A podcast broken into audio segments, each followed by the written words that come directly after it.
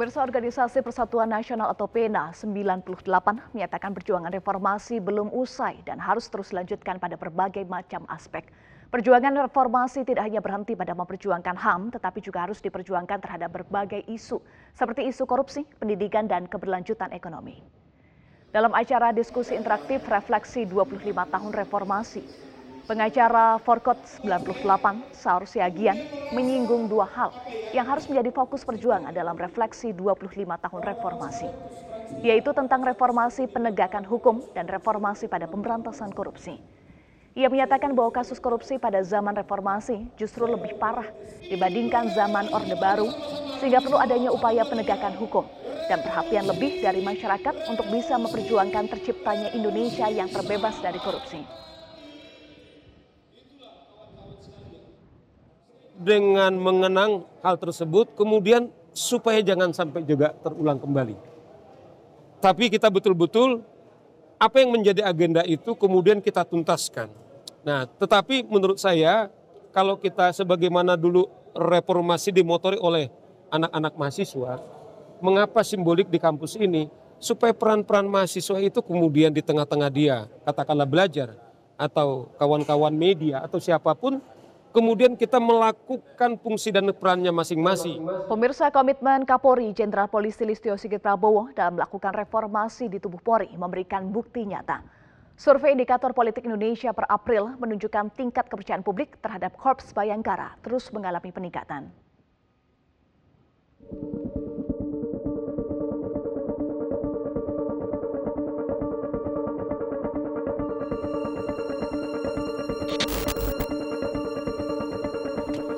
Di bawah komando Kapolri Jenderal Polisi Listio Sigit Prabowo, sejumlah oknum polisi yang melakukan pelanggaran etik dan pidana langsung ditindak. Bahkan dua jenderal bintang 2, yakni mantan Kapolda Sumatera Barat Teddy Minahasa dan mantan Kadif Propam Ferdi Sambo dihukum berat. Pengadilan Tinggi DKI Jakarta menguatkan putusan tingkat pertama terhadap Ferdi Sambo. Sidang banding yang digelar juga menguatkan putusan Pengadilan Negeri Jakarta Selatan pada Februari lalu yang memvonis Ferdi Sambo dengan hukuman mati Menko Polhukam Mahfud MD pun mengapresiasi atas sikap tegas dan transparansi yang dilakukan oleh Korps Bayangkara dalam menindak dua anggotanya. Kita uh, lihat ini sebagai uh, apa namanya langkah yang merupakan sisi lain dari sudut kemajuan. Nah, tapi dari sisi lain mungkin kita bisa uh, melihatnya dari sudut sebaliknya ya untuk tetap mendukung Polri bersemangat. Karena semua semuanya yang terjadi ini justru merupakan langkah-langkah ketegasan Polri untuk mereformasi diri. Ketegasan Kapolri untuk menunjukkan kepada seluruh jajaran Polri bahwa dia bisa bertindak tegas. Artinya eh, Polri itu punya eh, power untuk melakukan itu dan bisa melakukan itu sama juga ya di kasus uh, Teddy Teddy Putra Minahasa ini itu kalau dilihat sudut positifnya bagus Polri menindak itu Apresiasi atas tindakan tegas dan sikap transparansi yang dilakukan oleh institusi Polri juga datang dari para purnawirawan Polri. Mantan Kapolri Jenderal Purnawirawan Bambang Hendar Sodanuri mengapresiasi ketegasan Polri dalam penegakan hukum anggotanya. Ia pun meyakini kecintaan masyarakat terhadap Polri pun bisa pulih. Sementara itu, mantan Kapolri, Jenderal Purnawirawan Dai Bakhtiar menambahkan bahwa perlu langkah konkret untuk membenahi apa saja hal-hal yang bisa menurunkan kepercayaan masyarakat terhadap Polri. Bahwa langkah-langkah konkret sudah sedang dan dalam dilaksanakan oleh Kepolisian Republik Indonesia dari Mabes Polri sampai dengan tingkat Polsek.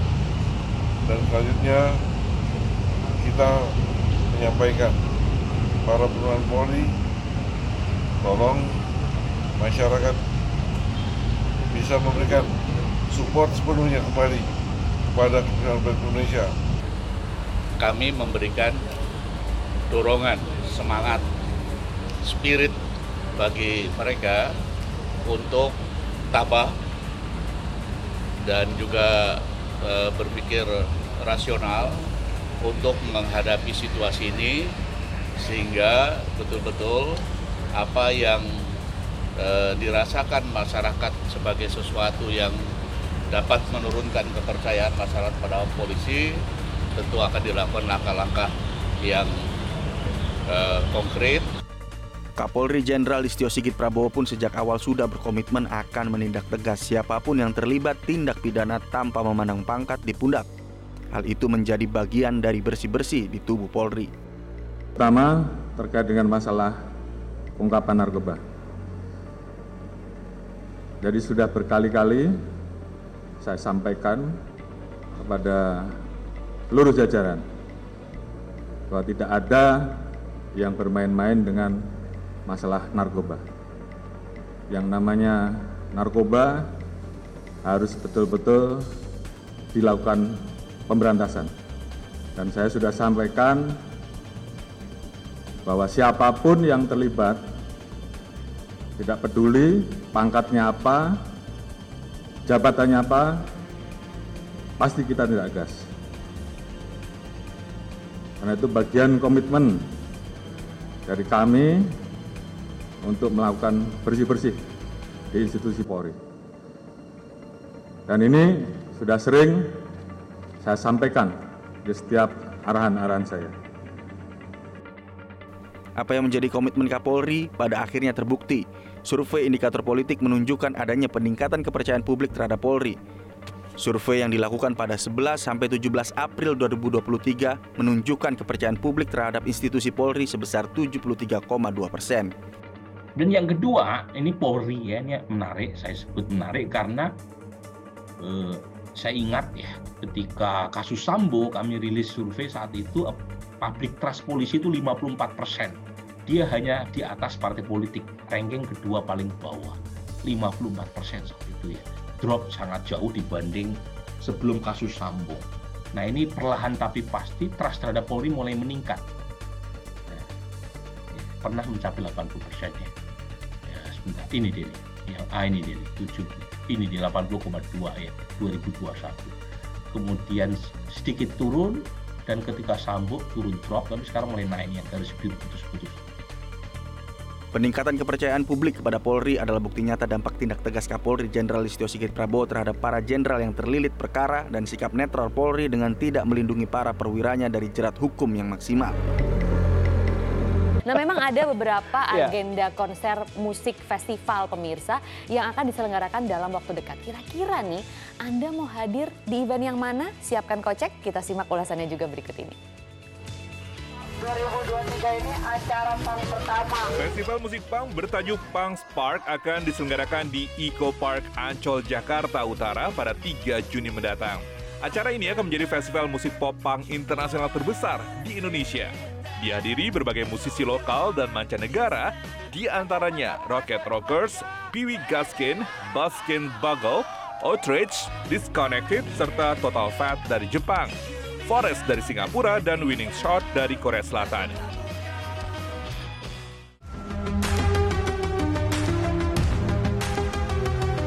New Life Entertainment akan menggelar New Life Show An Extraordinary Show yang akan menghadirkan tiga musisi yang berasal dari tiga negara dalam satu panggung.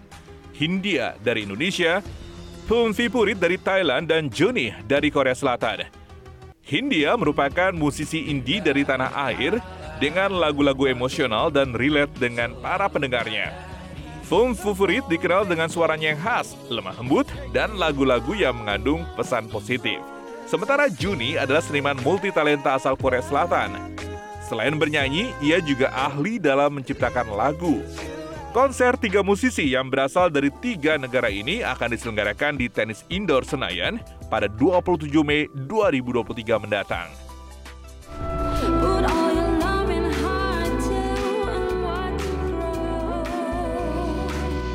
Selanjutnya, kita punya sebuah event musik jazz akbar yang rutin diselenggarakan setiap tahunnya. Java Jazz Festival 2023 akan digelar pada 2 hingga 4 Juni 2023 mendatang di G Expo Kemayoran, Jakarta. Tahun ini merupakan penyelenggaraan Java Jazz ke-18 di Indonesia. Sejak 2005, Java Jazz Festival menjadi salah satu pertunjukan musik jazz yang paling konsisten dalam menghadirkan sederet panggung dan penampil nasional maupun internasional. Berdasarkan postingan resmi dari akun media sosial Java Jazz Festival, untuk penyelenggaraan tahun ini, pihaknya telah mengumumkan siapa saja yang akan menjadi line up pada Java Jazz yang diselenggarakan selama tiga hari berturut-turut. Steven Sanchez, pemilik lagu viral Until I Found You, serta Max dengan single hitsnya Like Down Low akan menjadi special performer. Di hari pertama, penyanyi tanah air seperti Ardito Pramono hingga Teza Sumendra akan tampil memeriahkan panggung Java Jazz.